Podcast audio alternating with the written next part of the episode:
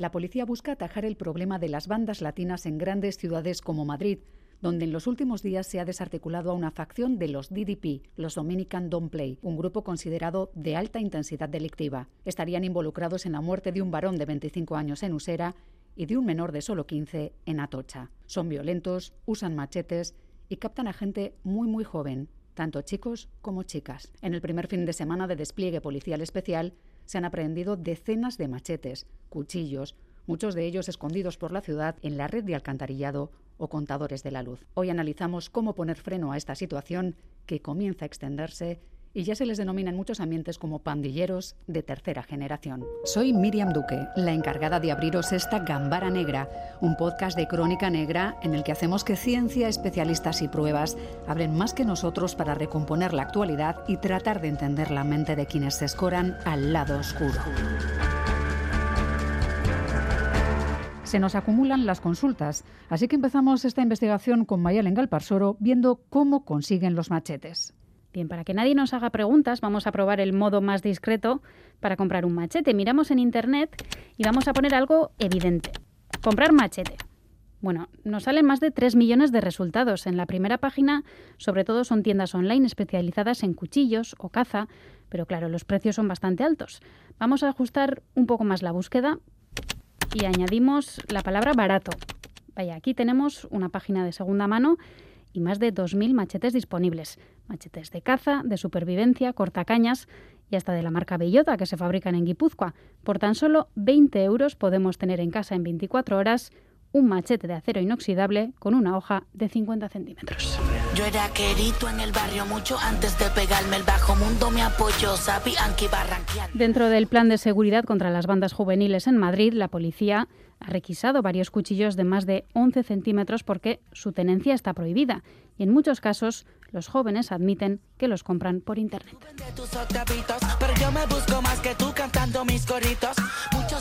Solo hay que echar un vistazo en la red para ver que no es muy difícil comprar un arma de este tipo. Se están comprando y no precisamente para cortar cañas, sin una regulación concreta se puede hacer de una forma discreta, barata y rápida.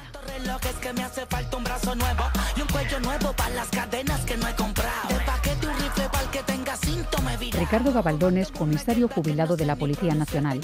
Su trabajo durante más de 15 años ha estado centrado en el fenómeno de las bandas latinas. Ricardo Gabaldón, bienvenido. ¿Qué tal? ¿Cómo estás? Hola, buenas. ¿Qué tal? Muy bien. ¿Tenemos un problema de bandas latinas a día de hoy? Bueno, es un problema que llevamos arrastrando desde el comienzo de la década de los 2000, coincidiendo con la llegada de inmigrantes eh, latinoamericanos a nuestro país desde por demanda de mano de obra desde la década de los 2000. Es un problema que se arrastra en el tiempo, pero es un problema que se tiene controlado y tal. Es verdad que es un fenómeno delictivo nuevo, pero ya se tiene bastante conocimiento y tal, pero es un problema de, violencia nueva, de genera violencia excesiva de gente joven, muy muy joven y bueno, hay un problema, pero según mi opinión está bastante controlado. La sensación general es que vuelven a tener presencia en ciudades como Madrid. No sé si comparte esa sensación de que son un poco más violentos en los últimos tiempos. Bueno, no, realmente los índices delictivos de según mi experiencia, eh, homicidios, por ejemplo, en Madrid, a lo largo de toda mi experiencia durante 15 años investigando en concreto las bandas latinas, eh, llevábamos un porcentaje aproximado de, un homicidio al año. Eh, un homicidio al año realmente son, es un número pequeño de homicidios dentro de que no debería producirse ninguno. Pero si comparamos con los índices de violencia que en los países de origen de las bandas, porque en España de alguna forma las pandillas no, se, no dejan de ser franquicias de las de las pandillas centroamericanas de, de, América, pues realmente es un índice muy bajo. Es que es verdad que en estas últimas fechas ha habido hay dos homicidios y, y, algunas agresiones con lesiones graves y tal que han coincidido en un espacio temporal muy concreto el sábado este que ocurrieron los hechos pero realmente el índice es, eh, es bajo acostumbrados a que en España realmente el índice de criminalidad es bajísimo, es un país eh, muy, muy, muy seguro. pero es verdad que esas dos víctimas mortales, dos trinitarios en Atocha y en Usera, levantaban mucho las alarmas, porque además, bueno, pues eh, cuando hablamos de machete siempre da miedo que esto empiece a generalizarse y se pueda llegar a extender a otras ciudades. Esto no es un fenómeno tan fácil, que se extienda de una ciudad a otra. Bueno, eh, va muy, muy, muy, muy relacionado con el número de inmigración y de implantación de las bandas, ¿no? Realmente las grandes urbes son el, caldo de cultivo propicio para la extensión de este tipo de pandillas juveniles. Que pandillas en las grandes urbes siempre hay siempre ha habido en España, pero sí que es verdad que, como he dicho antes, en la década de los años 2000 mm. sí que hubo un incremento de este tipo de pandillas que tenían unas características diferenciadas de nuestras pandillas tradicionales, de chicos jóvenes que emplean violencia, que se pelean y tal. Este tipo de pandilla pues eh, tenía unos signos externos, unas normas, unos colores, una disciplina, etcétera. Sí, se desató, digamos, eh, en 2004 fue un, mal año a este respecto. No sé, Ricardo, si podemos explicar cómo funcionan, si tienen un líder al frente, si si tienen unas normas muy, muy estrictas y sobre todo cómo captan a otros jóvenes, porque a veces hablamos de jóvenes casi niños. Entonces, las pandillas realmente, la captación de menores es fundamental para ellas porque eh, captar a una persona más adulta es más difícil. Hay una gran disciplina, hay una jerarquía eh, muy, muy dura, eh, son especie de organismos entre sectas y, organizaciones paramilitares en las que hay una jerarquía ascendente, piramidal, hay un líder con líderes inferiores y luego el grueso de la pandilla dividida en barrios, pero en general todas las pandillas tienen el mismo fundamento, es la dominación, eh, la defensa de los colores, de su, del respeto de los demás, pero todas las pandillas, Latin King, Dominican Don't Play, Trinitarios, eh, etcétera, eh, se basan todas en las mismas normas, normas estrictas de dominio, control, hacer, hacer pruebas de valor para demostrar su valía, dedicarse al robo, al, a las amenazas, a las coacciones, a las etcétera. ¿no? En principio, cuando empezamos a investigarlas en España, o en Madrid en concreto, eh, estaban eh, constituidas fundamentalmente por jóvenes latinoamericanos. Pero en la actualidad, ya que son de tercera generación, ya son muchos de ellos nacidos en España. O sea que son. Eh, no quiero con esto estigmatizar a la comunidad latina. Solo cuando hablo de jóvenes latinoamericanos me refiero a los que están en las pandillas, que es un porcentaje mínimo. Eh, actualmente igual en Madrid tenemos 300 o 350 identificados como miembros activos de las pandillas. O sea, realmente con la comunidad latina es un número ínfimo, pero sí que es verdad que son muy violentos y, producen una gran alarma social realmente, sus movimientos. Sí. Claro, Ricardo, entiendo que entran de, muy niños. Eh, claro, delinquir y cometer delitos cuando empiezas a ser eh, joven hace que las penas no sean tan duras, pero también te atrapa en cierta medida. ¿Es posible salir? De las pandillas, según sus normas, no se puede salir según sus normas, está prohibido de la pandilla, el que es pandillero lo es para siempre. España no es tan rígido esa esa, esa disciplina de, pandilla, ¿no? en países latinoamericanos realmente tenemos pandilleros de edades eh, muy avanzadas. Aquí en España realmente el arco de edad en la que se mueven los pandilleros pues puede ser entre 12, 13, 14 años a 25, 27. Luego de manera natural salen de la pandilla ¿Por qué? O vuelven a la vida ordinaria, normal, de padre de familia, trabajo y tal, o bien se eh, eh, entran en el mundo delincuencial directamente, porque no hay que olvidar que las pandillas son una escuela de delincuentes. O sea, dentro de la mm. pandilla se aprende a delinquir, se aprende a ser valiente, se aprende a no tener miedo, etcétera. ¿Qué tipo de armas utilizan normalmente? Porque últimamente oímos hablar mucho de machetes. Es verdad eh, que hemos eh, estado echando un vistazo en Internet y haciendo algunas consultas y en líneas generales nos parece que es bastante fácil acceder a uno de ellos, incluso bastante barato, porque es posible localizarlos incluso por 8 euros más los gastos de, envío. Entiendo que por eso los utilizan. Las armas de fuego en España están muy controladas, hay realmente pocas armas de fuego. Nosotros a lo largo de las investigaciones hemos eh, incautado algún arma de fuego real, pero es escaso, el acceso, es difícil el acceso a armas de fuego. Entonces, pues claro, el arma más a mano realmente son las armas blancas que están al alcance de cualquiera. Pero sería más fácil usar navajas que un machete, por ejemplo, a no, pero de utilizan los, los conocidos como bolomachetes, que son armas de estas eh, como especie de espadas, son espadas de 50 centímetros de larga, que venden en las armerías y la única razón, la eh, única eh, condición para comprarlas es ser mayor de edad y presentar un documento identificativo, o bien una tarjeta de residencia o bien un DNI. O sea, se lleva control sobre las personas que adquieren este tipo de armas. Son como estos que se utilizan para la jungla, para abrir paso, realmente eh, te las puedes comprar por 20 euros. Y no están afiladas porque son armas como de exposición, pero realmente se afilan y quedan, eh, son espadas, entonces ellos las utilizan como armas intimidatorias, pero claro, un arma de estas son letales absolutamente, pero son de compra libre, ¿eh? cualquier persona las puede comprar solo con esas condiciones. Entonces, claro, son las armas de más fácil acceso, pero al mismo tiempo lo son los cuchillos de cocina, de todas armas que están al alcance de cualquiera. O sea, es que no, no realmente no hay restricciones son más armas blancas, ¿no? Para adquisición y, tenencia, ¿no? Si, si las tienes, sí te pueden sancionar, pero la adquisición la, son, son fáciles de adquirir. Sí, son fáciles, demasiado fáciles, probablemente para esta escuela de delincuencia de la que hoy estábamos hablando.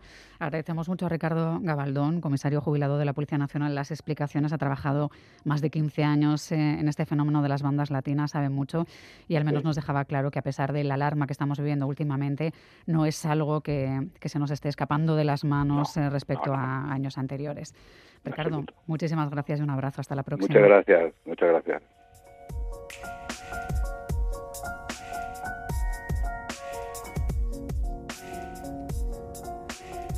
Otra de las personas que conoce muy bien cómo funcionan estas bandas es Katia Núñez, es antropóloga experta en agrupaciones juveniles de calle. Ha estado en contacto directo con bandas como los Dominican Don't Play o los Trinitarios en tres países, eh, analizando el comportamiento de este tipo de grupos. Katia Núñez, gracias por atendernos. ¿Qué ha pasado para que bandas como los DDP o los Trinitarios hayan vuelto a las calles o al menos a, bueno, a las primeras páginas de, de los periódicos y de los informativos? Yo creo que siempre han estado, ¿no? Desde que se crearon, 2004, 2005. Eh, es un fenómeno que no ha parado. Lo que pasa es que estas agrupaciones tienen picos, ¿no? De violencia. Hay momentos en que está muy alto ese pico, ¿no? Y hay momentos en que está así más bajo y no, y no oímos tanto hablar de ellos, pero han estado en las calles eh, desde que se crearon, eso mm. seguro.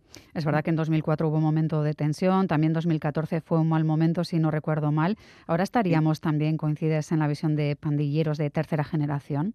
Yo creo que sí, sobre todo porque eh, hay una cantidad de jóvenes que ya han nacido aquí, o sea, que ya no son ni siquiera inmigrantes, ¿no? que ya han nacido aquí, muchos incluso de, padres autóctonos españoles que no, no son latinoamericanos. Entonces, muy jóvenes, y hay como un boom sobre esto, ¿no? Como llama mucho la atención a los adolescentes, están muy de moda las redes sociales y obviamente eso les pone en la palestra, en primer plano. ¿Cuál es el camino para desactivarlos? Aunque entiendo que esta pregunta es complicada, Katia, porque ahora mismo los integrantes de estas bandas se mueven por barrios, vemos que son mm. muy violentos, que se inspiran en bandas en su origen latino. Pero tenemos que buscar también la forma de, desactivarlas. En otros momentos, eh, pues la cultura, la educación, el, apoyo en la calle ha sido fundamental. ¿Cómo lo ves ahora? La embajada dominicana, el embajador de República Dominicana en España, que se ha sentido muy, muy preocupado por el tema, porque está como muy implicado el nombre de los dominicanos en estas dos actuaciones. He redactado un proyecto de intervención con jóvenes para la prevención de la violencia que vamos a poner en marcha. Creo que es, es el trabajo que se tiene que hacer, ¿no? La intervención social no es que no haya medidas judiciales y policiales, tendría, tiene que haberla, habiendo, por ejemplo, asesinatos o, heridos graves o, delitos de otra índole, pues tiene que haber, pero también mucha intervención social, muchos educadores de calles. Katia, ¿cómo ha sido el acercamiento a estos grupos? Estar eh, más o menos cerca para poder trabajar con ellos y entender un poco las claves, porque claro, es, eh, necesario entender las claves que encienden un conflicto o, una banda para saber dónde tocar, ¿no? Para, para desactivar, como cualquier bomba.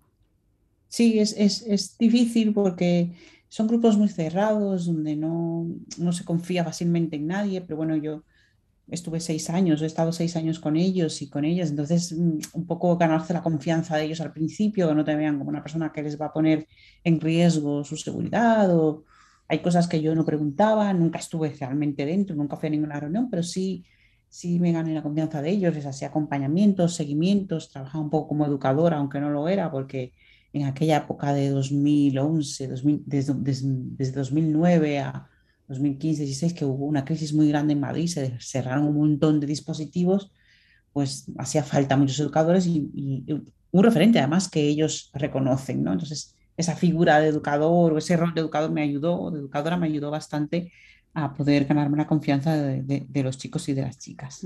has mencionado las chicas. Eh, ¿Cuál es el papel de ellas en, esta situación? Eh, en algún caso hemos oído decir que bueno, pues funcionan un poco a veces como espías para saber un poco qué traman otras bandas, para enterarse, para mover información. Supongo que hay mucho más. Sí, hay mucho más. Tienen un papel, es verdad que muy secundario. Se creó, por ejemplo, una, una organización satélite, una banda satélite, una pandilla satélite de los Dominican Play, se llamaba Las 30, están en mi tesis. Ellas narran todo, todo lo que hacían. Había una líder y esa líder tenía bastante poder con las chicas, pero ella dependía siempre de, del líder máximo de los, de los Dominican Play. ¿no? Los trinitarios han sido más cerrados, no han admitido ese tipo de, de agrupaciones eh, de mujeres ¿no? femeninas, sino que ellos tienen como un respeto, como dicen ellos, tienen su respeto a la pareja del líder, la hermana de algún líder, la, la novia de, pero no, no no han jugado un papel primordial. Entiendo que es un ambiente muy machista. ¿no? Sí, son, son, ah, los roles de género están, son heteropatriarcales y muy marcados, muy marcados. Entiendo que, que, salir para ellas también es complicado, ¿no? porque probablemente se queden embarazadas muy jóvenes. Está esta situación ¿no? de que las chicas quedan embarazadas muy jóvenes, los jóvenes son también padres muy jóvenes. Yo no diría salir porque realmente ellas no llegan a entrar nunca, ellas están ahí como la pareja de, del líder, pero luego si se deja de esa pareja tampoco es que ella mmm, tenga ningún problema por haberlo dejado. Siempre tienen unos códigos de, eh, eh, muy herméticos ¿no? de, confidencialidad, no, no lo, por lo general no, no pasa de ahí, con, los chicos tampoco.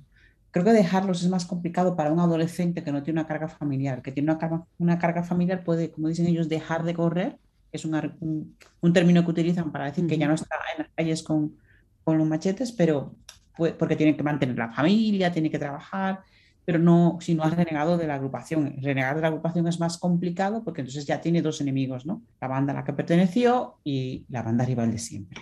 Dejar de correr es la expresión para, para salir. sí. En tu opinión, eh, tú que llevas años bueno, pues muy cerca de, de, sus inquietudes, claro, hay muchas preguntas. Una es si es posible saber cuántos jóvenes, chicos y chicas pueden formar parte ahora mismo de este tipo de bandas en el entorno de Madrid, por ejemplo, y si hay algún tipo de banda mucho más peligrosa que otras. Desde la embajada nos habían dicho, de la embajada de la República Dominicana, que eran alrededor de 200 jóvenes. Luego, una entrevista en un programa en el que participé, dijo un agente de la policía que eran unos 400, 300, 400 en total. Yo no creo que pase de ahí, ¿eh? entre las dos que están más activas, ¿no? que son los Dominican Don't Place y los Trinitarios, porque los Latin Kings están en proceso de pacificación, que ya dejaron interactuar con, desde la violencia, y los nietas pues están totalmente eh, inactivos. Yo no creo que haya una más peligrosa que otra, creo que hay más activas que otras. No, yo sinceramente no las considero bandas del crimen organizado, sino pandillas o las juveniles o bandas de, o agrupaciones de calle que interactúan desde la violencia. Es verdad que hay delincuencia, hay muerte y yo no le quito hierro a esto, pero no funcionan, por ejemplo, como la Mara o no son unas bandas dedicadas al narcotráfico específicamente. No se dan ese tipo de cosas eso significa, Katia, que tienes esperanza en que esto se logre desactivar en un periodo de tiempo más o menos razonable. Tiene que haber mucha intervención social y tiene que haber mucho trabajo con estos chavales en las, en las propias calles, ¿no? Y, que se creen más dispositivos, más centros de, jóvenes, donde ellos tengan eh, otros espacios eh, donde interactuar que no sea a través de la violencia. Es verdad que es un trabajo a largo plazo, no, no voy a ser eh, no voy a mentir y a decir que se puede en unos meses porque no sería así, no es posible. Bueno, no serán unos meses, eh, pero bueno, puede que en pocos años, eh, gracias al trabajo de intervención que realiza gente como Katia Núñez, esto sea posible y bueno, pues creemos que sí, seguro que sí. Ella es antropóloga, experta en agrupaciones juveniles de calle, en contacto con miembros de bandas latinas como Dominican Don't Play o Los Trinitarios. Gracias, Katia, por este tiempo y sobre todo por estas reflexiones. Un abrazo. Gracias a vosotros, un abrazo. Dominican Don't Play, Trinitarios, nombres que han ido sonando y que resuenan en las noches de algunas ciudades, pero nadie quiere que se extienda a otros eh, lugares, a, otras ciudades. Iñaki Rusta me acompaña, ha sido jefe de la Policía Científica de la Archancha durante muchos años. Iñaki, ¿qué tal todo? Hola, muy bien. También está conmigo Carlos Basas, él es escritor especializado en novela negra y exdirector de La Pamplona Negra. Hola Carlos, ¿qué tal? Hola, ¿qué tal? Bueno, Iñaki, a día de hoy entiendo que no hay riesgo de que estas en concreto lleguen hasta donde estamos, pero sí que el riesgo de las bandas existe, ¿no? Es algo a temporadas latente también en nuestras calles, en nuestras ciudades, ¿no? Bueno, existe y efectivamente los primeros conocimientos que se tiene por parte de la Archancha de estos grupos, sin denominarse bandas, son del 2004. Intentan emular a esos grupos como Ñetas, Maras y Latin lógicamente salvando las distancias, en el 2010 ya intentan de alguna manera imitar de una manera seria esos grupos en Euskadi, que es cuando se produce el operativo por parte de la chancha y se procede a sus detenciones. Y a partir de ahí, pues eh, tenemos detectadas en Euskadi eh, alrededor de cuatro bandas, con toda su organización violenta, y del 28 a 30 grupos pandilleros que se denominan. ¿no? Tenemos algunas muy longevas, muy antiguas, como son las de las de Manda, tenemos otras como más recientes, las de los hermanos Koala, que desgraciadamente por un homicidio, de Ghetto Family, que es la que cometieron otro hecho eh, otro, otra muerte, que robo con violencias y con Ivonne Urrenguechea en Bilbao, concretamente. Siento que estas dos eh, están, eh, presuntamente, están presuntamente relacionadas con el crimen de Ivonne Urrenguechea, que fue diciembre de 2018, si no me equivoco, y el asesinato de dos ancianos en Ocharcuaga a comienzos de, de, ese mismo año, ¿no? Fue un periodo complejo. Sí, correcto.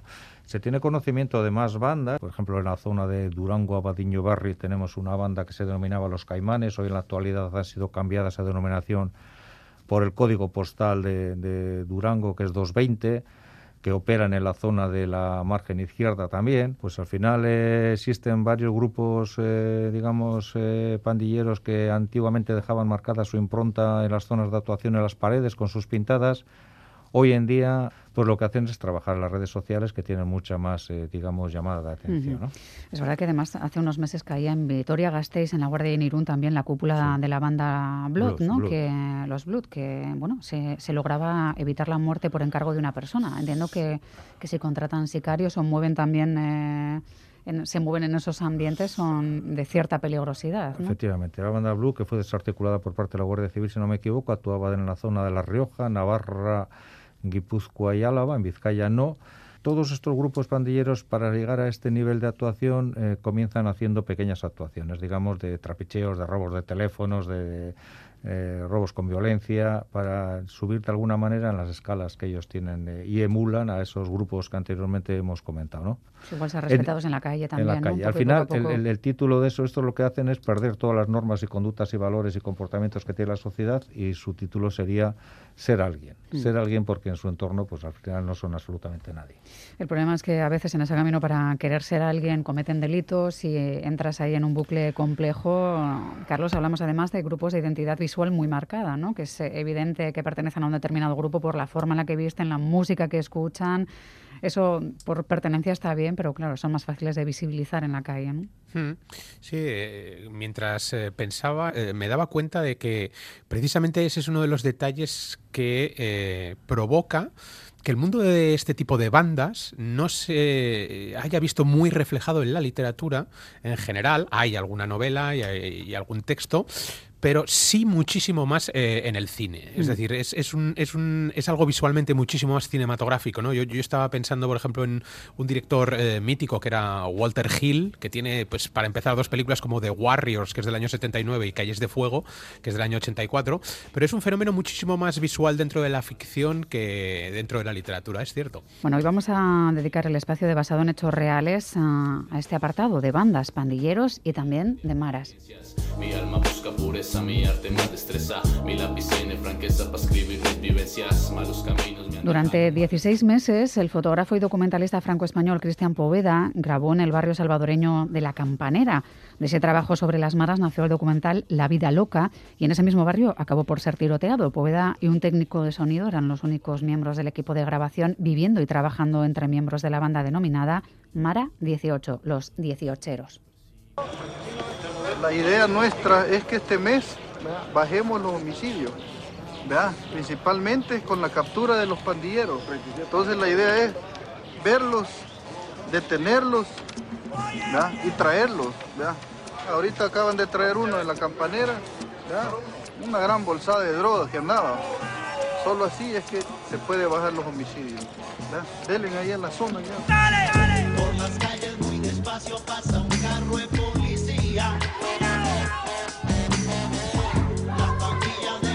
respuesta precisamente escuchábamos un momento en que la policía trataba de distribuirse por la zona. Cristian Poveda se colaba en sus vidas. Él creía que eran víctimas del sistema, pero lo cierto es que acabaron por convertirle en víctima a él, ¿no? Él quería que la 18 y la Salvatrucha firmaran la paz, pero no, no, no le fue bien. Él, tenía una idea eh, en la cabeza que era precisamente esa, ¿no? Era prácticamente un imposible, era consciente de ello, de que tampoco iba probablemente a conseguir mucho, ¿no? Escuchábamos a, efectivamente a, uno de los responsables de ese programa gubernamental que fue Mano Dura, eh, durante el cual él se, se, insertó en esa, en esa mara, eh, eh, tuvo acceso a, su vida, ¿no? fruto de un pacto con los, con los líderes de, de ese grupo, y estuvo esos, esos meses que decías, esos 16 meses de rodaje, como dirían, embutido ¿no? en, en sus vidas. ¿no? El documental es, es muy impactante porque Poveda lo que quiere sobre todo es darles voz a ellos, es decir, no es el clásico documental con una voz en off, en la que él eh, juzgue, en la que él comente, sino que, bueno, es, es como abrir una ventana a, 16 meses de, de la vida de, de esos pandilleros y luego eh, salir de ella, cerrarla, ¿no? De hecho, el, documental empieza con un eh, entierro, con un funeral, y termina con, un entierro, ¿no? Son las dos imágenes que marcan un poco eh, el, destino que cada uno de esos pandilleros que luego van hablando a lo largo del documental mm. sabe que probablemente tendrá, ¿no? Que es seis metros bajo tierra. No sé si, si su asesinato se produjo antes o después de que se llegara a estrenar oficialmente el documental, mm. Carlos. No sé si eso se, lo sabes. Él rodó el, eh, rodó el documental, eh, lo editó, eh, se estrenó en un festival de San Sebastián en el año 2008. Luego en el 2009, como había, había sido en parte financiado por Canal Plus, se estrenó en Canal Plus. fue un documental que además en su día fue muy pirateado por las propias maras para, para poder verlo ahí en, El Salvador. y él tenía la intención de regresar, eh, después de la gira por distintos festivales de su documental, de regresar a grabar un segundo documental con las maras, centrado sobre todo en el papel de, las mujeres en, esos grupos eh, criminales.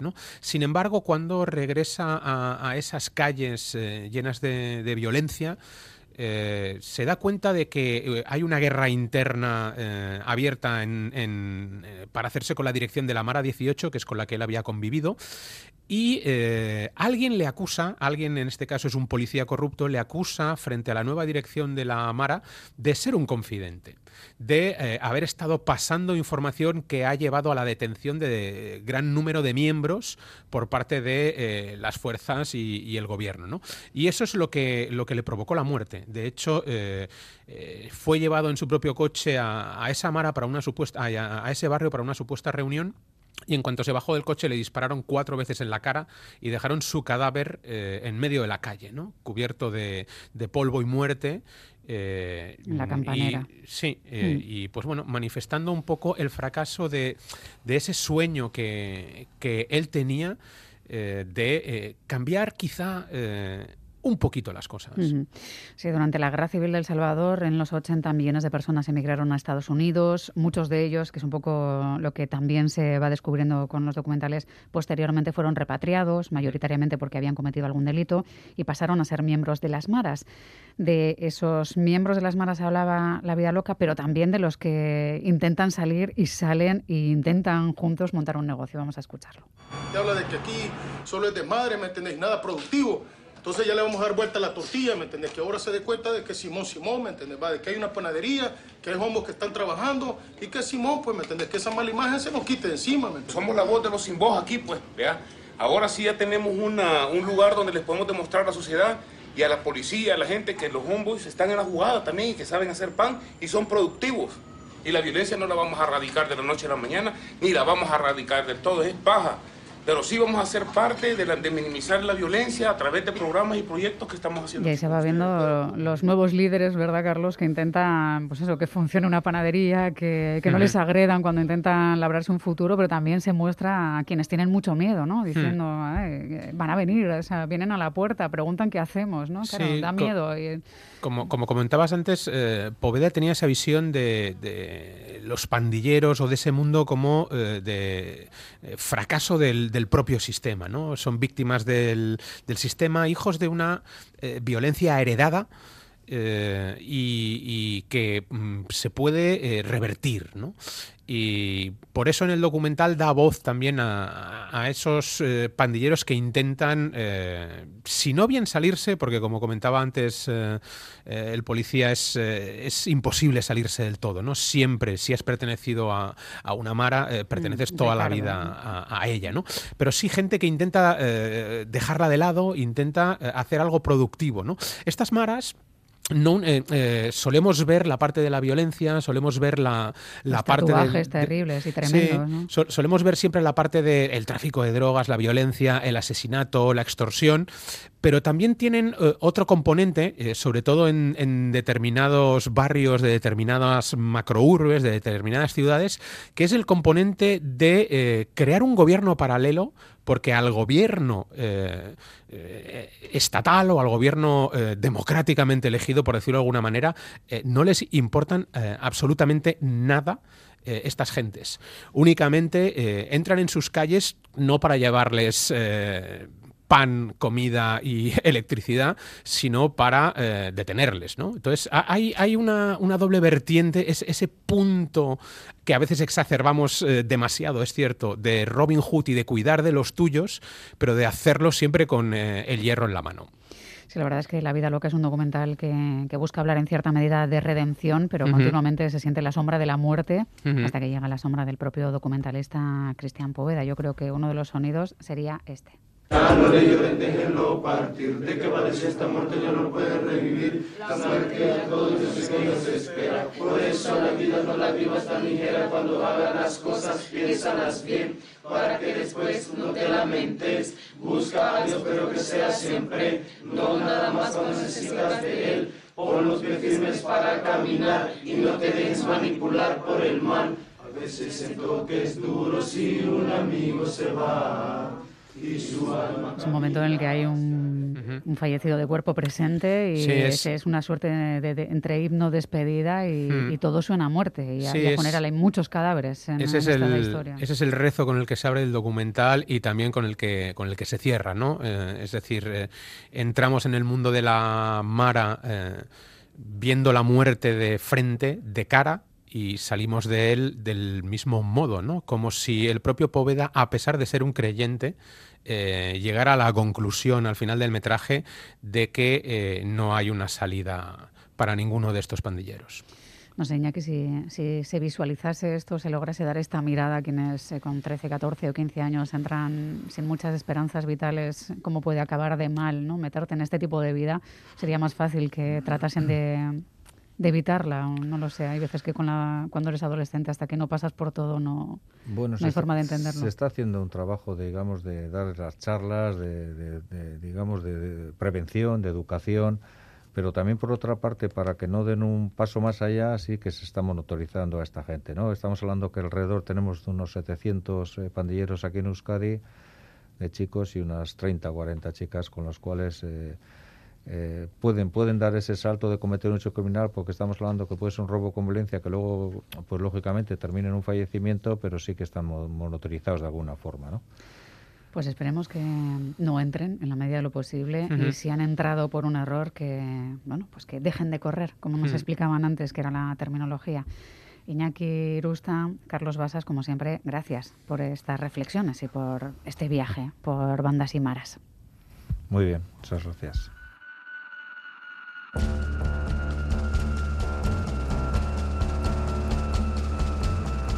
Gambara Negra, el podcast de crónica negra e investigación de EITB Podcast.